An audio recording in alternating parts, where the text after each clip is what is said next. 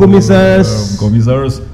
Dua bulan lebih kita tidak bersua di udara. Iya, lebih ya. Lebih dua bulan setelah terakhir episode kita yang terakhir itu yang Sampai ada yang gosip katanya Hmm. Om Kumis udah nggak kumisan lagi katanya.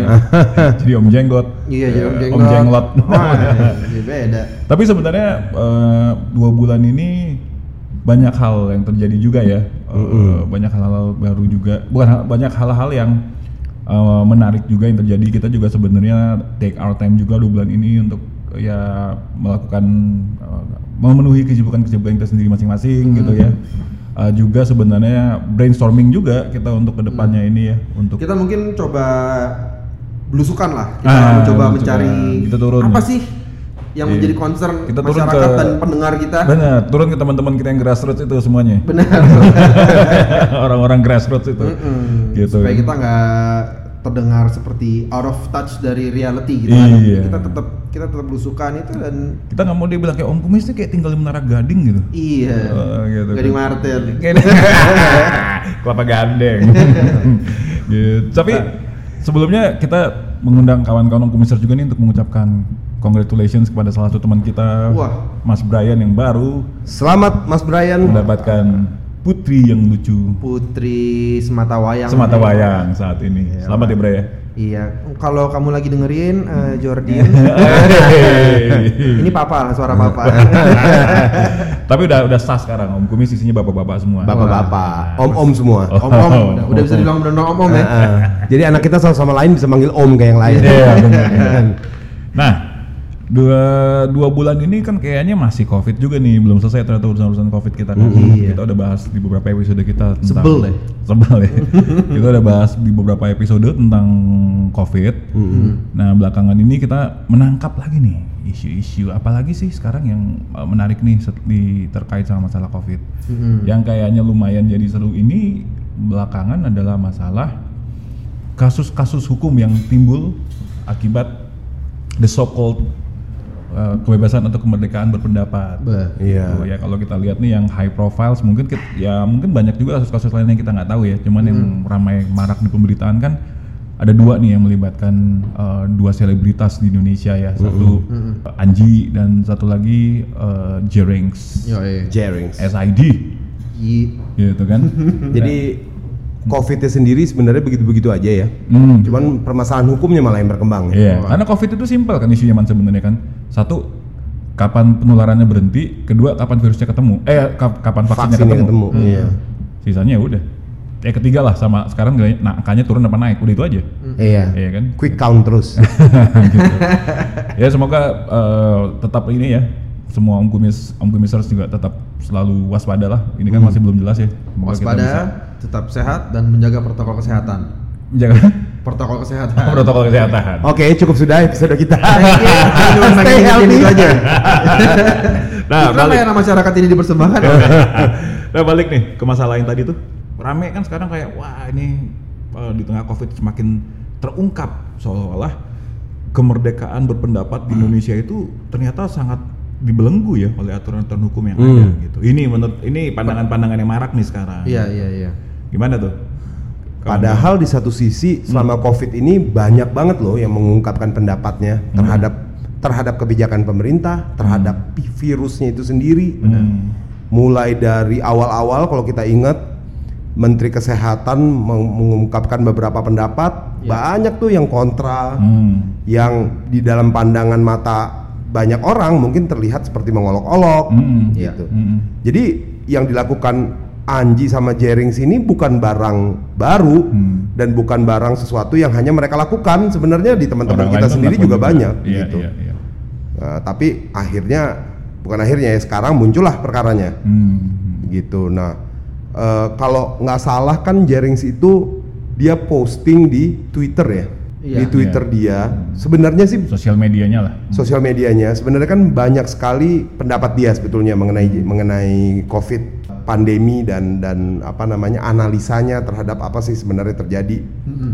gitu sampai tiba masanya yang dituju salah satunya adalah eh, Ikatan Dokter Indonesia nih Iya. gitu Iya.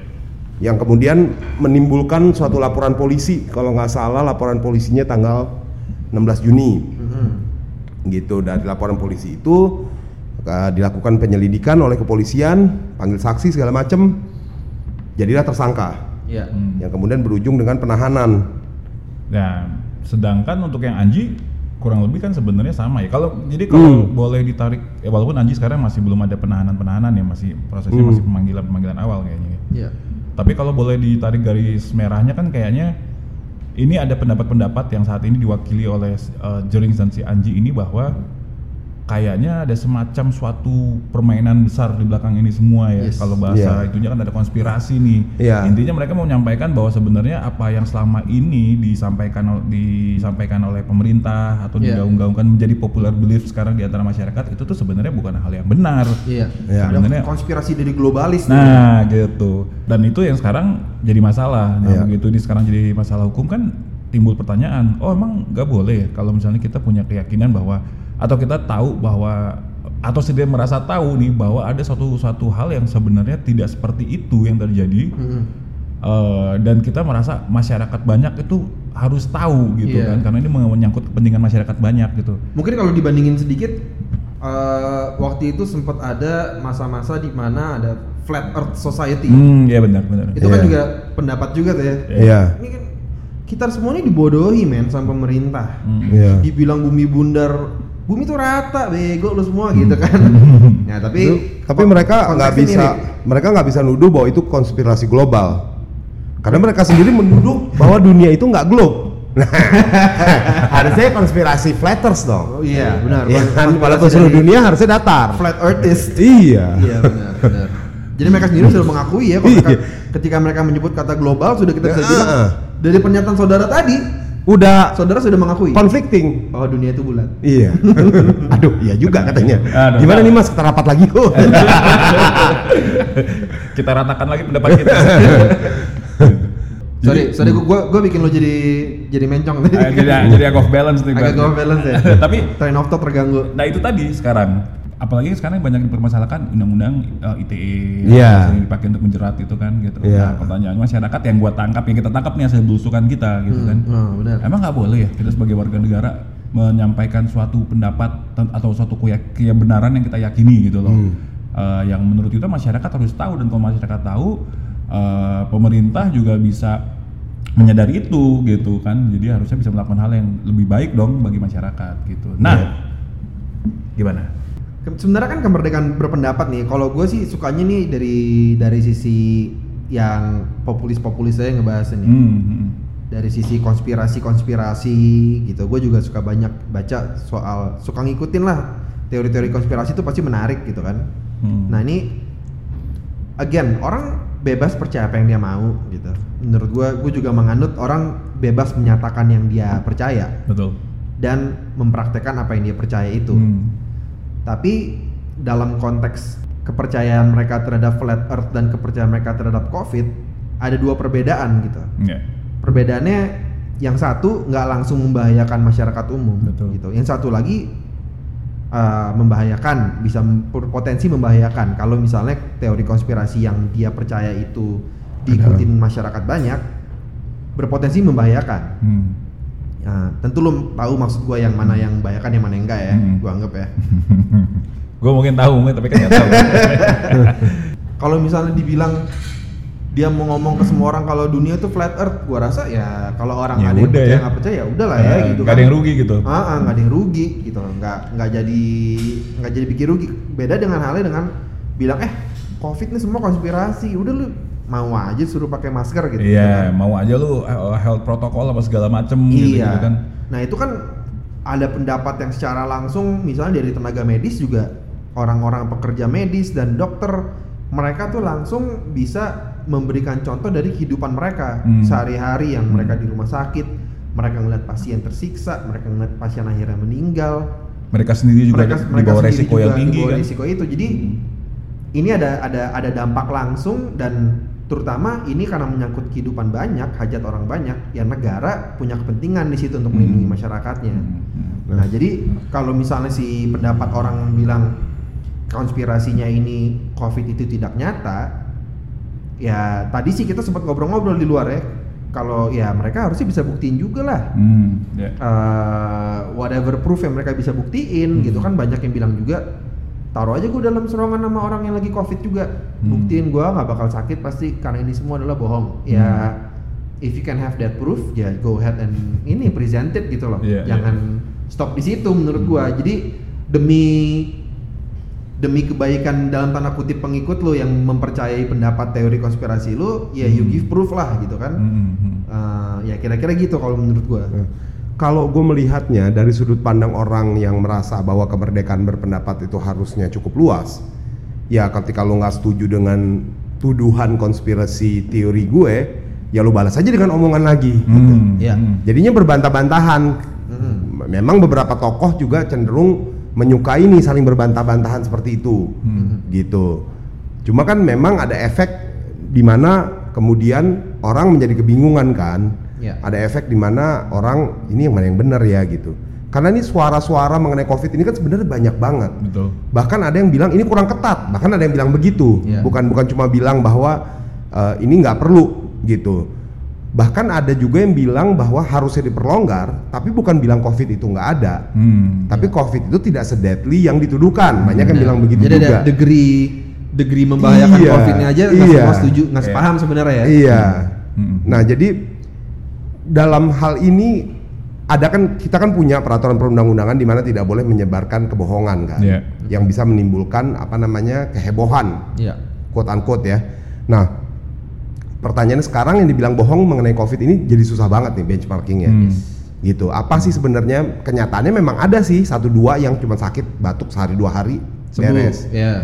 Ada juga yang memang cuma sakit satu dua hari terus kemudian meninggal dunia gitu. Hmm, hmm, hmm. Jadi apakah ini spesifik case per case atau apa semua masyarakat kebingungan bukan cuma di Indonesia kayaknya di mana-mana juga masih pada dunia ya. bingung Iya. gitu Eropa yang negara yang benar-benar mirip satu warga negara dengan yang lain pun mengambil kebijakan yang berbeda-beda Hmm. gitu Iya. Scandinavian aja yang mirip banget beda-beda semuanya Iya. kebijakannya jadi untuk ke- kebohongan tuh agak sul- agak sulit sebenarnya Iya, iya, iya. gitu. Nah, kebebasan berpendapat satu hal sih konsep yang sepertinya cukup liquid ya. Iya. Sampai sejauh mana gitu kan sebenarnya kan Benar. kebebasan itu pada prinsipnya kebebasan apa pun termasuk berpendapat tidak boleh mengganggu kebebasan orang kan gitu Betul. sebetulnya. Ya. Nggak boleh stepping ke ke ke teritorinya orang Ya, gitu. ya. Hak-hak yang lu miliki itu tidak boleh sampai merugikan Hak orang. lain. Ya. Iya. Gitu. Nah, ketika lo berbicara tentang diri lo sendiri, mungkin benar kebebasan itu sebab sebablas-bablasnya. Hmm. Tapi ketika lo berbicara tentang orang lain, Hmm. ketika lo tuduhkan orang lain salah atau orang lain bohong, Iya. nah mungkin di sini nih timbul problemnya. Iya. Kayak Jerings kan yang kita tahu yang menjadi masalah hukum kan ketika dibilang kata kacung itu. Iya. Hmm. Dibilang Gitu. di posting Twitternya disebut ID Ikatan Dokter Indonesia adalah kacung WHO gitu. Iya. World Iya. Health Organization bukan WHO, Iya. bukan WHO bad Iya. ya. Nah, walaupun kata-kata kata-kata itu kan sebenarnya cukup clear cut. Iya. Iya kan? Hmm. Tinggal tinggal apa, apa apakah eh, ini penghinaan apa enggak? Ya Yes. rasanya banyak orang yang akan berpikir bahwa ini memang penghinaan. Iya, kata menggunakan kata kacung lah ya. Kadang-kadang Iya. Iya, kalau di beberapa diskusi yang gue lihat tuh disempitkan tuh. Apakah kacung merupakan penghinaan? Iya. Nah, gitu. Kan Jadi akhirnya lihat kamus besar bahasa Indonesia dong. iya, akhirnya kayak gitu. Cuman gue gue pengen kita step back sedikit nih tindakannya Hmm. dia untuk menyatakan itu apakah harusnya dilindungi dengan hak kebebasan berpendapat sebenarnya gitu loh. Iya. Menurut gue ya, Hmm. kita ngeliat dulu nih kita Oh betul sedikit. betul. Iya. Gua ngomong apa yang gue percaya tuh boleh gak sih? Kalau ID kacung WHO dia udah udah menyinggung pihak lain, Hmm. eh, kemudian menyatakan pendapatnya tadi yang Kenny bilang, Hmm. Lu boleh exercise hak lu selama hak lu itu nggak mengganggu hak orang Orang lain, lain. gitu kan? Kalau gini kan ID tentu punya reputasi yang dia perlu jaga sebagai organisasi dan lain-lain. Hmm. Iya. Nah jadi menurut gua terlepas perdebatan mengenai kacung itu adalah penghinaan atau enggak kata-kata kacung sendiri tapi mungkin kita ngebahasnya di hari ini adalah si ID kacung apa tindakannya Jerings itu sendiri harusnya dilindungi kebebasan berpendapat atau enggak sih? Hmm. Ya memang sih kalau nggak tahu nih kalau saya ngomong gitu apakah kalau misalnya di penyampaiannya lebih kayak ID itu adalah asisten dari WHO. Terhalus. Karena kata Terhalus ya? konotasinya dianggap negatif. Atau Iya. kalau dalam kalau dalam kondisi gini, Hmm. sebenarnya bisa aja pembelaannya Jerings bilang itu sebenarnya gue lupa naruh tanda tanya di belakang. Maksud gue Eh, adalah ini kacungnya siapa sih? Kacunggu, Ini kacunggu, kacunggu. kacunggu. Ya, tapi tetap kena juga Gue kan, gue di dia- Bali, gue udah biasa pakai bahasa Inggris. Iya, campur-campur sama Indonesia. Tapi Iya, kan tetap gitu. kena, man. Intinya Nggak usah di Bali. Orang-orang yang tinggal di Tangerang aja banyak yang campur-campur Benar. bahasa Indonesia bahasa Inggris. Tapi kalau argumennya itu kan sebenarnya jadi tetap kena karena poinnya adalah dia tetap bilang jadi kacung. Iya, Iya. Kacung who? Kacung siapa? Tapi kalau kalau misalkan kacung. ya, terus Jering bilang ya setelah gue pikir kayaknya kacungnya Allah hamba Allah. Oh, kecuali Nah, ya, kecuali Iya dia kan? bilangnya ini kacung tanda tanya. Ah. Ah, kacung apa bukan? Nah, Bukan, kacung bukan ya? Tapi in a more serious note ya, Oke. kacung kan bisa juga ngarahnya ke yang kalau lu telan mentah-mentah temuan WHO, bisa nggak gue bilang lu kacung? Misalnya, tapi ini kan ini perdebatan Iya, ke materi iya. lah ya, Iya. gitu. Bener Brian sih sebenarnya kita lebih baik bahas ini sebenarnya hak dia nggak untuk ngomong gitu. Iya. berpendapat gitu Ah. kan. Iya. Soalnya kan ID sendiri bukan suatu lembaga negara yang dilindungi seperti misalnya penghinaan terhadap presiden kan di Iya, iya, iya. di- yang di- spesifik. spesifik gitu loh. Iya. Kita memang harus melindungi kehormatan presiden gitu Iya, kan. iya. Kalau ID ini kan sama aja gue mau bilang kadang-kadang kan orang juga lagi bete sama pengelola gedung juga bisa ngomong aja gitu loh. Lu Iya, iya, lu bete iya. sama Iya. bengkel lo gitu. Tapi kan eh, ya again sebatas pe- pernyataan kebebasan pendapat memang pada akhirnya ID punya pendapat subjektif mengenai reputasi gue yang perlu gue lindungin gitu loh. Iya. Ya pernah kita bahas juga kalau pencalonan baik itu kan subjektif banget subjektif yang kita banget rasain, nah. orang yang itu ngerasa atau enggak Iya. dan tujuannya si orang yang menyebarkan ini dalam hal ini Jerings ngomong di Twitter tujuannya apa nih ada Hmm. maksud penghinaan atau enggak kan kita Hmm. pernah bahas ya di, Iya. di episode-episode awal Long Kumis karena kita kan udah setahun lebih nih. Oh. Happy anniversary boys.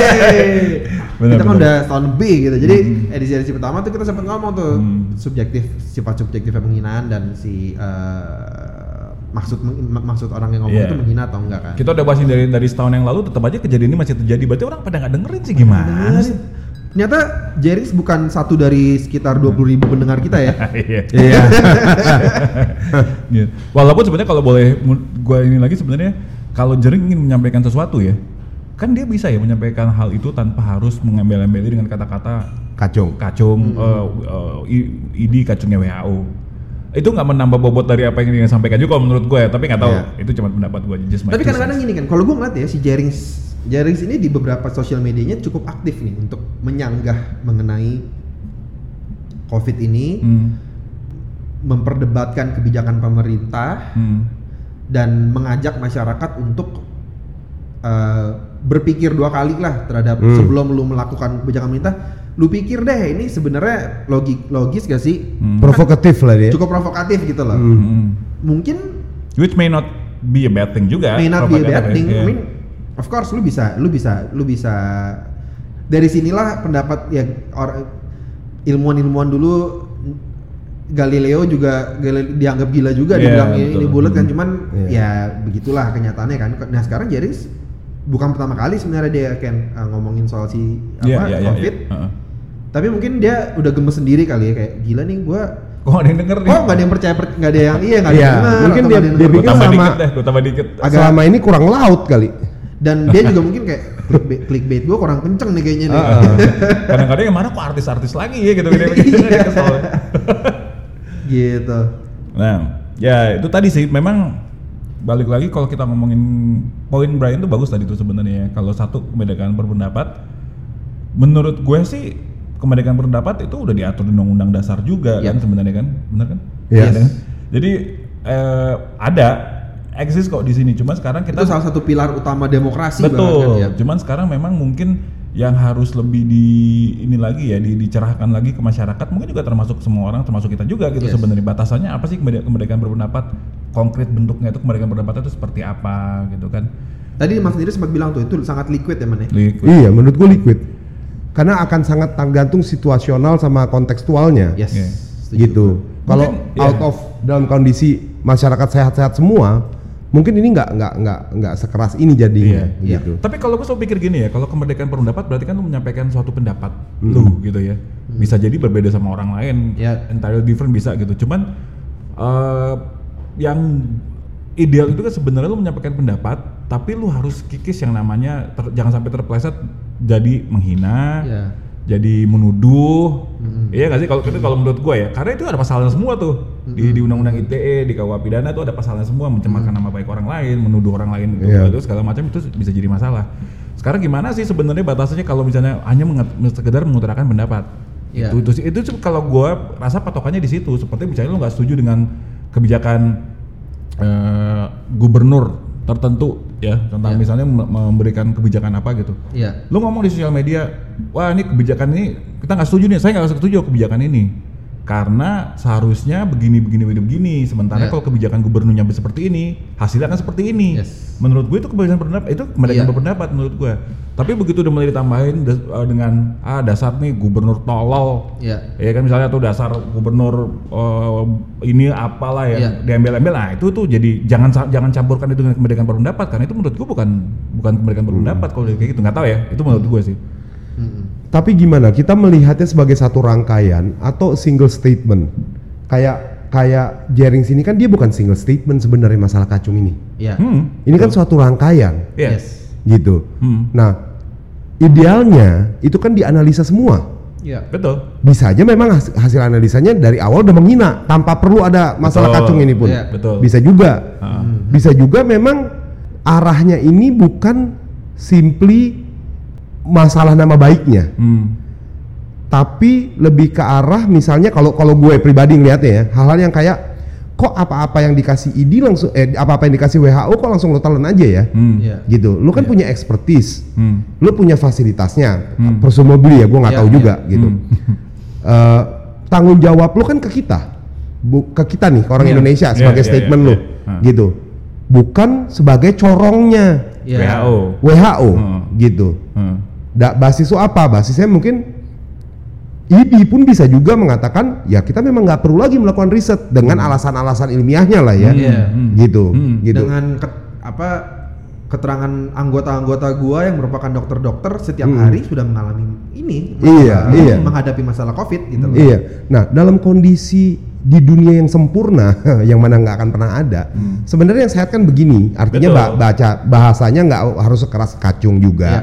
Gitu. Kalau memang kita mau mengeliminir resiko ya, Iya. nggak berarti 100% kalau bahasa kacung berarti salah loh, Hmm. Iya. gitu. Dan nggak 100% nggak pakai bahasa kacung, nggak berarti Juga, menghina juga. terbe- eh, terbebas gitu. Nyatanya Anji kan dilaporin juga, Iya. kan gitu di satu sisi. itu tapi kayaknya ag- agak beda dikit tuh ininya Eh, Anji tuh enternya agak beda dikit tuh Konteksnya juga lain ya. Ah, ah.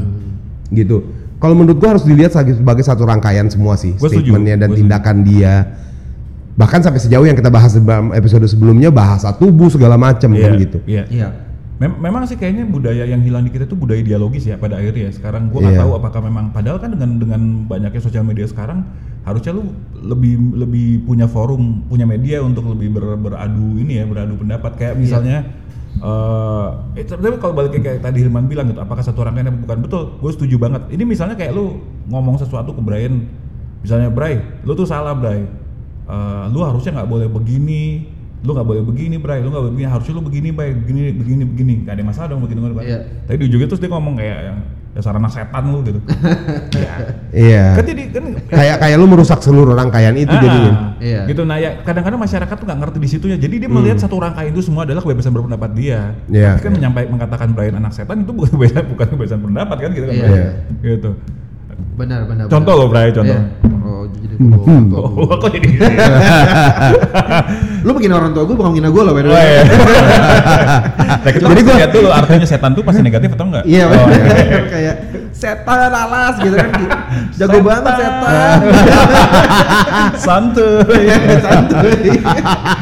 ya itulah maksudnya kayak satu ya mungkin agak ini juga kalau lu pernah denger tuh ada barusan rame agak rame nih yang ada em, film di YouTube Hmm. eh, tentang khilafah itu loh yang ada dibikin sama sama orang gitu Oh, ya gua nggak tahu tuh. ada tuh jadi dia kayak bikin sejarah tentang khilafah gitu dipasang di YouTube gitu terus kemarin yang gue baca di berita katanya terus itu hilang karena diblokir sama pemerintah Hmm. Lalu banyak juga pihak-pihak yang merasa bahwa ilmuwan-ilmuwan asing juga yang merasa namanya dicatut di film itu eh, Iya.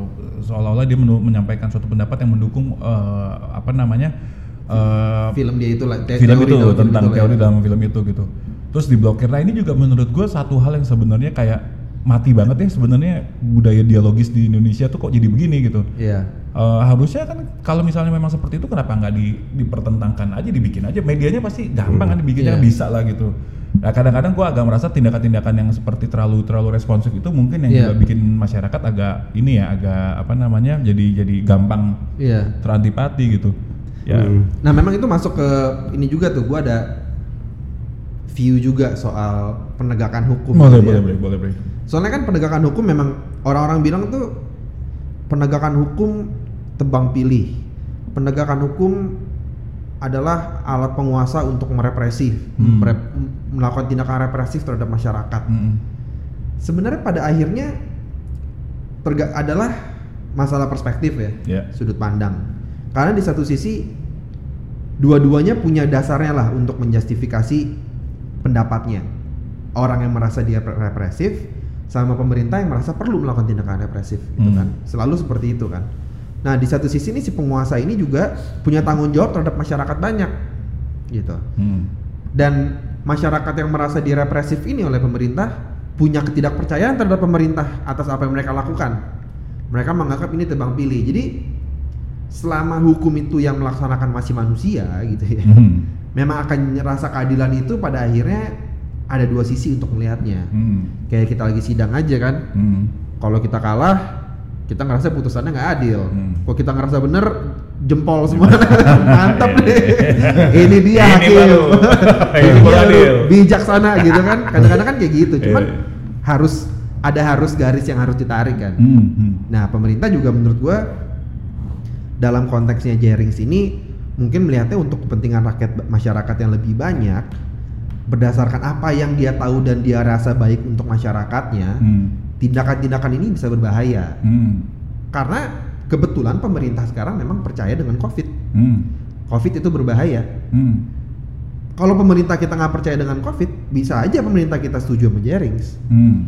Ini bagus ini. Malah mungkin kan sekarang lagi banyak kontrak-kontrak influencer. Dikontrak mungkin beliau. Jadi. Malah, Iya. Iya. malah jadi, Jadi buzzer. buzzer, Jadi iya. buzzer. Hmm, hmm. Jadi memang pada akhirnya politik itu adalah penguasa, Hmm. eh, perspektif penguasa lah yang berlaku di masyarakat. Hmm. Gitu. Walaupun da- bukan berarti perspektif penguasa itu sesuatu yang buruk ya, nggak harus abusif loh. Hmm. Nggak harus abuse ya. Karena penguasa itu kan pasti memikirkan memikirkan rakyatnya sebetulnya dalam melakukan hal ini gitu ya. Kita bicara ideal, jangan-jangan bicara dengan sudut pandang skeptik dulu nih gitu. Iya benar. Gitu. Nah, tapi balik lagi ke soal represif, balik lagi soal ke kebebasan berpendapat. Mm-mm. Oke, Jerings merasa ini adalah kebebasan berpendapat dia. Oke, Idi merasa tersinggung, merasa terhina. Iya. Melakukan laporan polisi, polisi kemudian sependapat bahwa ini ada unsur pidananya. Hmm. Iya. Ada dugaan unsur pidana. Yes. Kemudian diprosit lah dengan penahanan segala macam. Hmm. Tapi dalam kondisi ideal gitu ya. se- sebuah organisasi sebesar IDI dan setua IDI Hmm. harusnya tidak berhenti di laporan polisi. Iya. Jangan seperti individual lain yang tidak punya tanggung jawab apa-apa, lapor polisi, selesai urusan. Iya. Dalam hal ini jelaskan dong dari sudut pandang IDI kenapa dia terhina, Benar. gitu. Apalagi di organisasi besar yang tentu punya ada bagian ada bagian hukum, ada bagian PR juga ya. Public relation juga ada iya. pasti. Hmm. Kenapa? Gua nggak mau dong gue dibilang sebagai seperti subordinate dari WHO. Yes. Alasannya apa? Mm-mm. Gitu. Nah, polisi pun penyidik pun idealnya juga menggali ke sana ketika Iya. memeriksa pelapor gitu. Iya. Kenapa sih? Si itu merasa terhina apa? kenapa? Simply kata kacung itu udah secara umum diterima sebagai sesuatu yang rendahan gitu. Atau, ada dampak lain nih. Iya. Kalau reputasi saya rusak, dokter nggak dipercaya, gimana pak? Wah, Betul. dokter Iya, nggak betul. dipercaya, dukun bertindak Betul. kan? beda ya beda. masuk masuk masuk. Itu gue setuju bisa ya, itu gawat itu juga. Iya, jadi emang ke situ. jangan- Paling nggak reasoningnya eman ya. Reasoning, jangan jangan berhenti di laporan polisi aja. Iya, jangan berhenti dibilang, gua nggak suka dibilang kacung titik. Iya, heeh. Gitu ya. Lu siapa lo? Gua gak suka bilang kacung. Nggak kayak gitu dong. Ini kan bukan anak kecil. ya, harusnya Yes. bilangnya apa? Servant. Servant. Pakai kata lain ke? Ya, HRT. Iya dan jangan satu sisi ya. Ini gua agak melenceng dikit. Cuman gua ngerasa perlu ngomong deh. Hmm. Gue nggak suka juga ada profesi yang merasa profesi lain lebih hina. Mm-mm. Hmm. Jadi lu dokter lebih hebat dibanding kacung gitu. Iya, Not iya. necessarily bos. Iya iya. iya. Gitu. Iya. Ini kan profesi. Kacung itu adalah suatu profesi loh. Iya. Gitu. Coba kalau ada ikatan kacung Indonesia juga mungkin dia Iya, dia juga terhina. Bisa melapor balik. Terhina melapor dulu. balik. Kenapa lo terhina Iki. dibilang kayak gue? Iki, Iki, Iki. Kenapa? Ika- Ikatannya yang mana mas? Ya Iki. Iki. Iki, Iki. Sing Dimas, eh Iki. Aduh, dulu itu kalau. Aduh, gimana? Gitu. Begitu dia lapor, Ikinya ngelapor lagi. Oh, gue terhina dong. Iya. Kalau lu merasa terhina dibilang kayak gue, Abis berarti lu menghina gue. Waduh, ribet. Lu Masuk dilap- dilaporin siapa? Laporan Iki. Ya laporan Iki. apa ini? Iya. Sebagai ini kalau digoreng ya, Ah. ada yang ngipasin para kacung Indonesia gitu. Benar benar benar benar. Bikin asosiasi wah bahaya tuh singkatannya kalau para kacung Indonesia. ya. Iki lah, Iki di paling benar. Iki, Iki. Ya. gitu kan dibilang, kita bukan profesi yang dosa, bukan Benar. profesi yang halal kok. halal kok, Iya. nggak melanggar hukum. Benar. Kita nggak merampok uang di Iya, PLBI. iya. Nah, benar. Iya, Harusnya dalam pembentukan opini artinya kajiannya ID sebelum Iya. lapor ini udah panjang belum sih? Kita nggak Iya. tahu ya. Iya, iya, apakah Gitu. reaktif toh gitu ya? Ah, ah.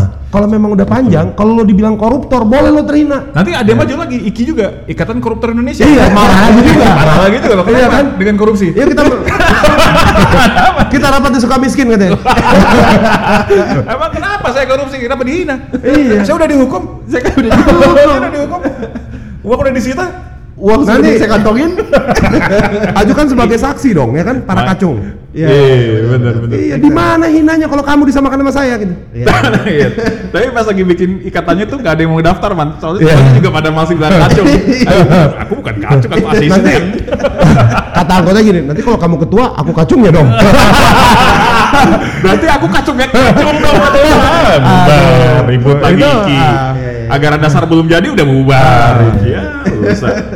Tapi bener, again, again bener. satu hal sih memang Dari sisi ID-nya harus ada cukup ekstrim ya thinking antara. prosesnya gimana gitu. Ah, ah.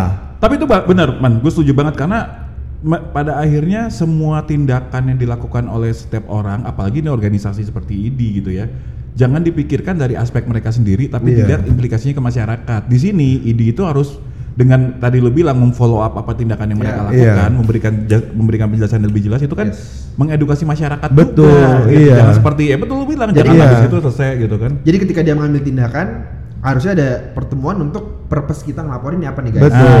Purpose-nya apa betul. gitu ya. Terus Iya. apa yang mau kita sampaikan ke masyarakat? Gua harap nih? tujuannya tujuan ini bukan cuma membuat jaring sejerak. Hmm. Itu itu tujuan yang terlalu sempit untuk organisasi sebesar ini. Iya. Ya kan? Betul, Harus betul. Ada unsur edukasinya, Hmm, bahaya, iya. bisa- dan itu harus disampaikan. Jangan Betul.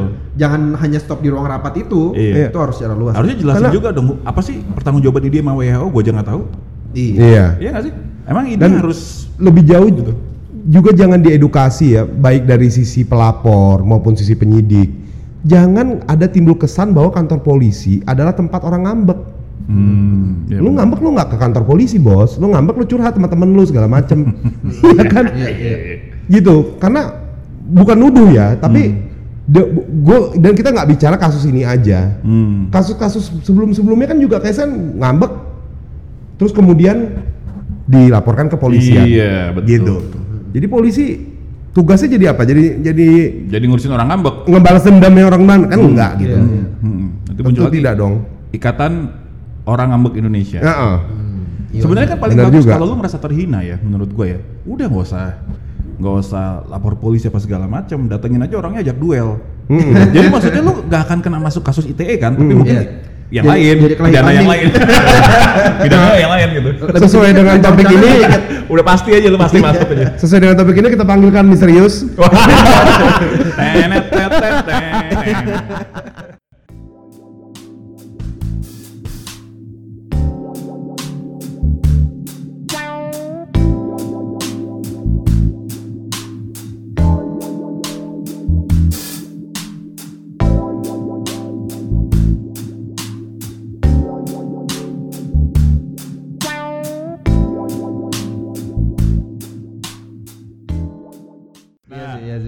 Satu lagi nih soal kebebasan berpendapat gitu. Tadi kan kita kayaknya udah udah udah bisa bisa kita lihat ini kalau kita kupas nih masalah si Jerings kayaknya jadi bukan masalah kema- kebebasan berpendapat, berpendapatnya tapi jadi ada unsur penghinaannya tadi terhadap ID ya. Yang itu tapi bisa diinilah.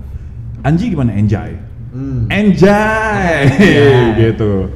Enjoy itu apa Anji itu juga gara-gara ko- konten kan kontennya dia di YouTube dia mengundang seseorang eh, yang mengaku ahli ahli dia menciptakan alat obat eh obat covid segala Iya. macam dan sempet sampai nyebut ada izin bepomnya apa segala macam gitu-gitu tiba-tiba ujung-ujungnya semua satu-satu satu demi satu kan di di apa namanya di dimentahkan gitu ya Iya. bahkan sampai izin bepomnya itu ternyata yang punya tuh ada yang punya satu company tertentu mengatakan itu bukan Izin bukan Bepom dia. izin bepom itu izin bepom dia bukan ini segala macam Hmm. Nah ini ini kan angle-nya berbeda nih sebenarnya walaupun dua-duanya dibungkus karena ini kan kebebasan berpendapat kenapa nggak boleh gitu Hmm. nah kalau Anji kenanya di mana tuh Bre? itu ya sebenarnya Bre merasa terjebak eh, Anji itu siapa ya lah mereka kan kalau nggak salah gara-gara ke- unsur kebohongannya kali Hmm. Iya. gitu ya jadi Iya. bukan masalah pendapat ya kalau ini emang udah bokis aja lu bro gitu. Bener. Tapi yang bokis kan narasumbernya. Betul. Iya. Makanya kita belum tahu kan sebenarnya ini yang yang yang akan kena nih siapa yang dilaporkan kan si Nar- Narsum dan si Anjinya gitu. Iya, apakah Bro Anji tahu kalau nar- narsumnya bokis ya kan? Anyway tetap dimunculkan gitu. Tetap ya. dimun- Nah, Dimunculkan, itu juga gitu. jadi masalah karena Anjinya sendiri kan mengaku dia sendiri baru ketemu sama si narasumbernya hari itu. Iya. Dia nggak sempat melakukan pengecekan banyak apa segala Iya. macam. Yet lu menghadirkan orang itu uh, untuk menjadi narasumber itu juga masih hati-hati juga tuh sebenarnya menurut gue Iya. gitu. Mm-mm. Bahayanya di situ ya dengan banyaknya media sekarang. Semua orang bisa punya media termasuk kita nih kayak Hmm. podcast ini. Ya kan orang-orang ini kan tidak terbiasa dengan proses itu kan. Beda Iya, iya. beda ketika memang eh, orang-orang yang sudah biasa di jurnalistik gitu. Hmm, ya, ya benar, benar. Gitu. Kayak Dia udah begini. tahu SOP-nya tuh seperti apa sih Hmm. kalau misalnya ngundang ngundang narsum ya kan. Iya. batasan-batasannya seperti apa gitu. Tapi satu sisi dengan banyaknya selebritis yang sekarang terjerat ini juga ya itulah harus memang harus lebih hati-hati selebritis gimana pun juga dengan followers yang banyak Hmm. eh, mereka punya mereka powerful loh untuk menyuarakan sesuatu.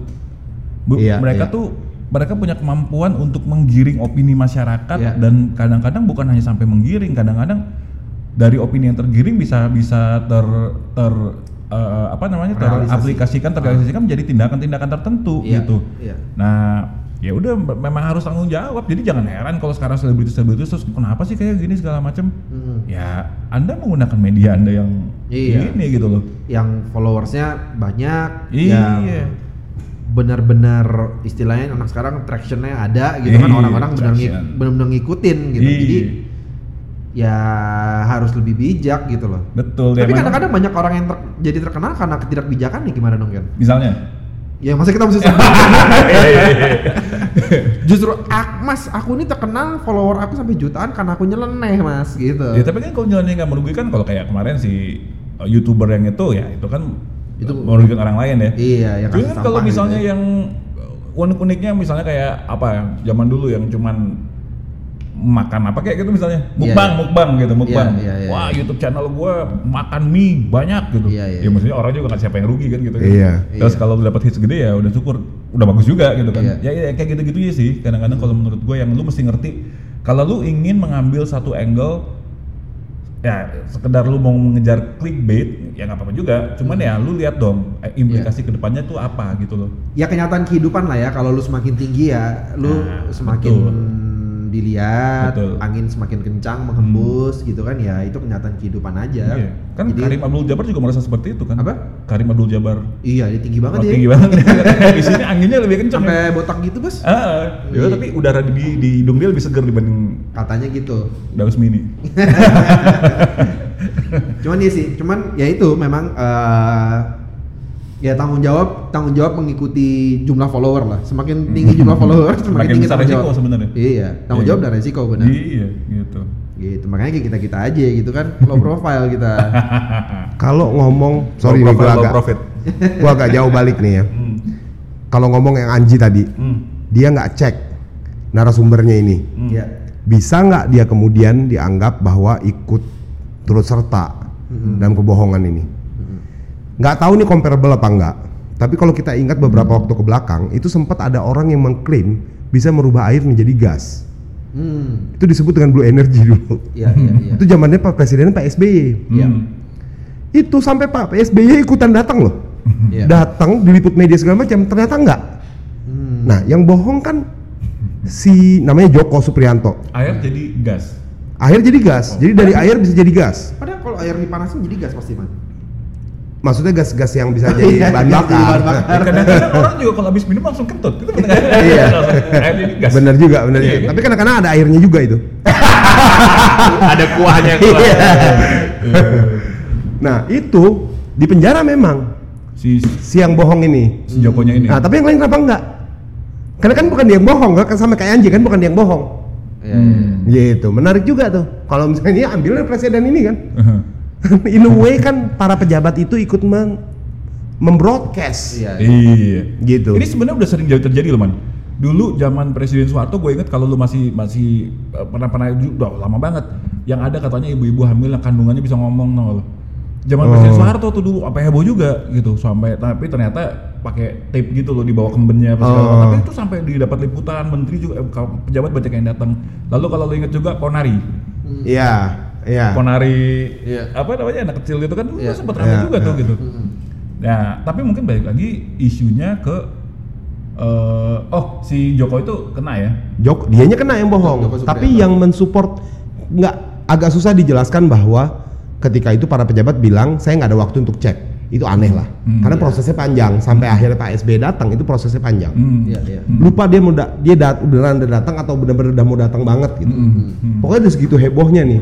Wah, ada penemu bisa menemukan air eh, apa? menjadi gas. Hmm. Memang pernah kuliah tapi jurusannya arsitek. Hmm. Oh, ya? Iya. Oh, gitu? Iya. Nggak tahu. Nah, kuliah jurusan arsitek. Iya. Gue barusan baca nih makanya tadi gue. Ah. Nah, itu kan apakah kemudian mereka jadi pidana juga Iya. orang-orang yang ada di situ? Iya. Tapi kalau dari, hmm, dari masalah Anji ya, kalau gua agak melihat ini agak bedanya karena si Anji ini selama ini juga kan me- sudah mengambil posisi nih terkait Iya. masalah Covid, Eh, mengambil posisi yang berbau-bau konspirasi juga, Iya. dan waktu dia menghadirkan si narsumnya yang ini itu kan sebenarnya kan untuk mendukung eh, posisi dia sebenarnya gitu gitu, ya, kalau misalnya bertentangan sama dia dia nggak akan undang itu orang. Iya, benar. gitu. Jadi ya kalau menurut gue sih melihat kok dari situ apakah dia sebenarnya harus bertanggung jawab atau atau enggak Hmm. menurut gue dia harus tanggung jawab. Tapi nanti masalah kemudian degree-nya seperti apa atau Hmm. segala macam itu masalah lain ya. Cuman kalau cuci tangan sih menurut gue ya enggak. Karena kalau dia nggak setuju sama pendapat orang itu nggak akan diundang. Mungkin Anji jadi lalai untuk mengecek eh, itunya karena dia merasa udah udah udah Iya. Nah, kepentingannya itu. sama nih gitu loh Po- poinnya kan ketika ketika suara itu disuarakan oleh orang lain. Kayak Hmm. Anji ini kan yang menyuarakan narasumbernya kan. hmm. Nah, apakah si Anjinya sendiri bisa terkena atau terlindungi Hmm. oleh kebebasan berpendapat kan gitu? Hmm. Karena bukan pendapat dia di satu sisi, Hmm. gitu. Iya. Nah, dianya ini posi apa peran dia saat itu itu di capture oleh undang-undang kebebasan berpendapat atau tidak gitu. Iya. Hmm. Ap- Apa, sekedar membantu menyebar luaskan tok gitu ya? Iya. Hmm. In a way kan kayak orang posting atau forward ke grup WA Mm-mm. media-media yang nggak jelas. Iya. ya ya Yang sama yang terjadi sama sama politik nyatanya itu dihukum tuh. bisa dihukum memang Gitu kan? Iya. Ikut menyebarkan gitu. Hmm. Iya. Hmm. Gitu ya. Jadi sebenarnya lebih ngeliat ke arah efeknya ya, Betul. rather than apa tindakannya betul gitu ya. betul Kalau misalnya yang disebarkan adalah isu kalau cabai itu sebenarnya nggak pedes, mungkin nggak masalah gitu. Iya. Ya. Tapi kalau ini disuruh orang bisa jadi terpapar covid dan jadi Nah. meninggal, nah itu jadi itu yang jadi Iya. isu kan. Iya, kalau isu yang lu sebarkan misalnya Messi mau ke Pelita Jaya atau Persija gitu. Iya. ya, tapi siapa maksudnya apa ruginya buat masyarakat juga ya? Iya, Jadi, benar. lihat dari situnya gitu kalau menurut gue ya. Kalau ada yang Bisa laporin bisa polisi, bisa juga rugi. Orang mulai beli-beli tanah di sekitar stadion. Ternyata enggak. Iya, iya. Ya kan spekulan-spekulan bener. berbahaya itu. cuman polisi juga pas dia melapor orang gitu, bu ini Yang mas, bener ini aja." bener mau dilapor ini.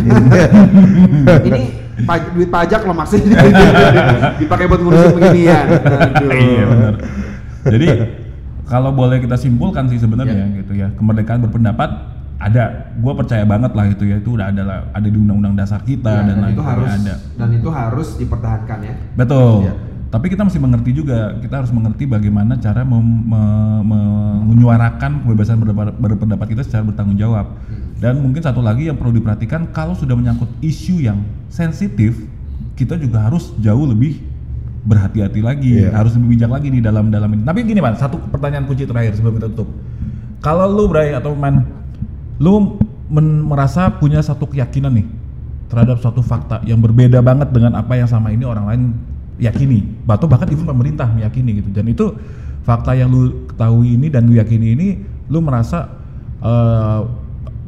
per- bertentangan dengan kebijakan-kebijakan yang diambil pemerintah. Karena tidak seperti itu seharusnya faktanya gitu. Bagaimana sih lu akan menyuarakan suara suara lu itu dengan cara yang baik, yang aman? Paling aman ya gugat ya. Nah, iya. Gitu. Itu kan tadi omongan-omongan brainstorming kita kan Hmm. satu hal kan kalau kita kita insan hukum, alah, Nah. insan hukum. kita kan first instance kita pasti paling aman adalah gugat. Iya. Kenapa? Karena gugat kan persidangan terbuka. Betul. Sebenarnya kesempatan kita bebas di situ. Benar. Walaupun bebas maksudnya kita boleh ngomong segala macam ya. Hmm. Walaupun gue tetap nggak yakin kalau kata-kata kebun binatang keluar Nah, di Iya. dalam persidangan itu apakah itu masih terlindungi gitu loh. betul, betul. Ah, itu tuh Gitu. poin yang bagus loh. Artinya lu kalau gugat seseorang di pengadilan, Hmm. kemudian digugat di persidangan, lu memaki orang dengan kata anjing, padahal Hmm. posisi lu benar gitu. Hmm. Bukan berarti lu jadi boleh ngomong begitu. Iya, kayaknya bahkan lu le- lebih jauh, lu bisa kena contempt of court Iya. sama penghinaan gitu. Iya. Nah itu tuh poin yang bagus. Gitu. Jadi di saat memperjuangkan keyakinan lu, itu juga bukan berarti lu bisa mengebis Iya. uh, ininya orang lain seperti tadi kita bilang gitu. Nah itu salah satu solusi sih sebenarnya kalau emang segitu yakinnya, bukti lu, lu merasa solid, Hmm. ada venue-nya lu gugat aja perbuatan melawan susahnya orang-orang yang nggak percaya ini yang merasa dia represif atau merasa anti quote unquote anti pemerintahan Hmm. dia merasa sia-sia berjuang lewat pengadilan karena dia cerita ya dia merasa dia udah tahu ujungnya apa Hmm. gitu sehingga dia lari kepada apa media-media lain cara Hmm. lain Hmm. jadi ya memang benernya sih lewat hukum gitu kan emang ini debat gini bisa debat kusir sih Iya. emang benernya sih gitu bos cuman lo tahu sendiri ya nanti kan pemerintah Iya. nanti ujungnya gua kalah juga gitu kan Ditambah kalau kita bicara dengan orang-orang yang idealis ya mengenai kebebasan berpendapat, menggugat itu bukan bagian dari kebebasan berpendapat buat mereka. hmm. Kalau itu sih kebebasan untuk melakukan upaya hukum katanya. ya Kebebasan berpendapat ya berpendapat aja gitu. bukan dalam bukan, bukan dalam persidangan. bukan ya bukan dalam dalam konteks koridor uh, persidangan Iya, atau atau laporan polisi gitu. Setiap kita lapor polisi kan sebenarnya kita ada berpendapat tuh satu hal. Iya. Setiap kita menggugat apalagi ya. Tapi bagi orang-orang itu ya Kalau- berpendapat ya gue mau teriak di tam- tengah taman. Benar. Dengan Gua apa ya terserah gua. kalau kebebasan berpendapat harus dibatasi dengan upaya hukum ya berarti udah mati buat mereka ya. Iya, ini terlalu Gitu. formal kan, terlalu Ah-ah. formal gitu. Udah ya, tapi mati. kalau dibalikin lagi saat lu menyuarakan kepercayaan lu, lu cuman cukup puas dengan bahwa lu bisa menyampaikan orang lain dengar that's it atau lu pengen sampai terjadi suatu Perubahan. uh, efek selanjutnya. Iya. Kalau yang Nah, sekarang makanya. terjadi kan sebenarnya lebih dari itu, lebih dari lu berdiri di taman lu teriak uh, sesuatu hal gitu Iya. kan, lebih dari itu. gitu. Avenue-nya memang beda-beda. Ada orang yang suka teriak sendiri melalui sosial media, ada yang mengajak masa Nah, Demo demo, ada juga kalau kita belajar agama dulu kan Nabi Nuh gitu kan sendiri itu dia. Iya. hmm. Menurut gua bakal kejadian kayak gini. Hmm. Kalau lu percaya ikut gua, kalau enggak ya gua udah lihat orang-orang gila banget dia bangun bahtera kayak gitu ya, bangun Iya. bangun perahu gede. itu Di tempat juga yang nggak ada airnya gitu. ekstrim kan, Iya. itu kan juga ekstrim juga gitu. Benar, benar, Tapi dia benar. bergerak sendiri aja kepercayaannya. Di situ kan dia juga nggak mengganggu orang kan. Gua tanah-tanah gua sendiri, kayu-kayu Iya, gua iya. tebang sendiri, mau apa lu semua gitu loh. Iya. Hmm. Nah, tapi ada juga model orang yang memang mau menggerakkan massa, mau menggulingkan pemerintahan. Nah, ini udah kan kalau ya itu poinnya itu kan udah aspek as- aspek il- ilmunya ilmu sosiologi lah orang-orang Iya. berbeda-beda ya ada yang cara menyampaikan pendapat sambil marah ada yang Hmm. cara berpendapat juga ngambek gitu kan Hmm. Tanya, kamu kenapa sih tahu pikirin diri gitu kan Iya. Benar-benar. ya macam-macam gitu loh Kamu pikirin diri. Terus gimana bre kalau pikirin sendiri? Dasar egois kamu. egois Nah, jadi begitu. ya gitulah diskusi Jadi diskusi. kes- kesimpulannya gimana? Kesimpulannya kan kalau kita mau mengungkapkan pendapat, ya kan. yang pertama kan seperti lo bilang kan harus thoughtful kan. ya. Tapi yang pertama di- dipikirkan itu adalah sisi apa sih yang diterima para pembacanya, para pendengarnya itu dulu kali. iya Gitu. Hmm. Baru kemudian diksinya. Tapi menurut sorry man, Gitu. dikit ya. Menurut gua kuncinya satu man. Kalau lu ingin Hmm. menyampaikan suatu hal, sebenarnya kuncinya satu dan itu yang paling penting. Pastikan lu bisa justify omongan lu. Itu aja dulu.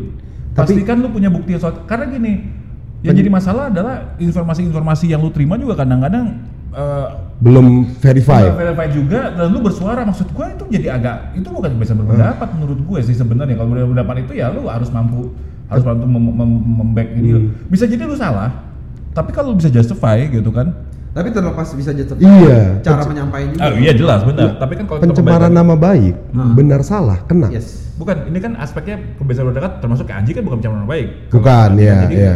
kalau sekarang lu pengen menyampaikan sesuatu hal yang lu yakini menurut eh, ke publik nih Hmm. Ya pastikanlah lu punya punya justifikasi yang jelas untuk itu gitu Iya. jangan sampai nanti begitu di kan tadi itu kayak yang kita bilang, itu yang hampir tidak mungkin terjadi dalam tuduhan konspirasi teori. nah ya Gimana itu. lu buktiin ya kan? Iya, Karena, karena ya tadi gue bilang anggapannya yang berkuasa ini ya gimana gue orang gue bilang yang berkombinasi kuasa, Iya. gimana buktinya lawan penguasa gitu. Hmm. Karena di satu sisi ya, kalau misalnya konteksnya bukan hal yang berbau COVID atau apa pun atau apa pun menyerang, Hmm. katakanlah lu mengajak orang berhayal deh, Hmm. gitu ya. Kadang-kadang hayalan ini ada orang hayalannya kalau bentuk negara ini berubah gimana, itu agak berbahaya tuh. Hmm, iya. Tapi hayalan-hayalan yang lain, kan lu memang nggak perlu ada fakta nih. Iya. Bebas dong lu mengungkapkan pendapat lu Iya. di satu sisi. Orang berhayal misalnya perkawinan sama jenis kalau dilegalkan gimana? Gitu. Ini kan konspirasi in a way tapi future ya main-mainnya uh, apa namanya? mainnya kan apa namanya imajinasi liar lo aja gitu. So, Boleh dong lo, lo sampaikan gitu. Makanya balik lagi sebenarnya kalau isu-isunya nggak terlalu sensitif, misalnya, Iya. lu tahu dulu kan ada ada buku tuh gue pernah lihat buku bahwa Hitler ternyata itu nggak mati, tapi Hitler itu ternyata kabur ke Indonesia, pindah tinggal di Garut dan karena orang Indonesia. Itu bukunya ada di Gramedia Iya. tuh. Orangnya selamat tuh nggak nggak yang bikin bukunya nggak masuk penjara juga. Soalnya siapa yang peduli kita? Sebenarnya kan Bahkan di tahun-tahun ini masih banyak orang percaya bahwa proklamator kita Bapak Soekarno itu masih hidup. Iya, iya. Banyak yang percaya dan menyuarakan itu. Iya. Hmm. Elvis masih hidup juga banyak yang percaya tuh. Iya. Iya. Elvis gitu kan. Tapi kan karena ya udah lah ya, kenapa juga Iya. gitu kan. Ada yang bilang bahwa Atlantis itu ternyata ada di Indonesia, ada segala Iya. macam. Ada bukunya banyak loh Iya, tuh. iya. Gue beli juga tuh.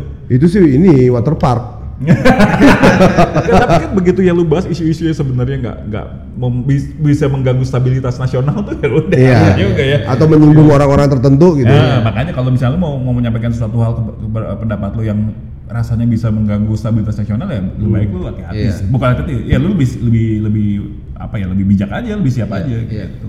Nah, satu hal lagi yang penting dari pembicaraan kita hari ini yaitu yang lapor yang merasa tersinggung jangan berhenti di laporan polisi. Nah, iya. Gitu. Diedukasi dong gitu. Hmm. Dijelaskan dong kenapa kenapa kamu tersinggung gitu. Kenapa organisasi ini merasa terserang. Hmm, hmm. Gitu. Kena apa harusnya? Kenapa statement ini benar-benar menyinggung dan keliru misalnya. Hmm. Gitu. Ya, itu tadi itu. Bilang bagus tuh benar tuh. Mm-mm. Karena kan bisa me- me- me- mengefek kredibilitas ikatan dokter-dokter di Indonesia yang sebenarnya masyarakat kan harusnya eh, Iya. percaya sama mereka gitu loh. Iya.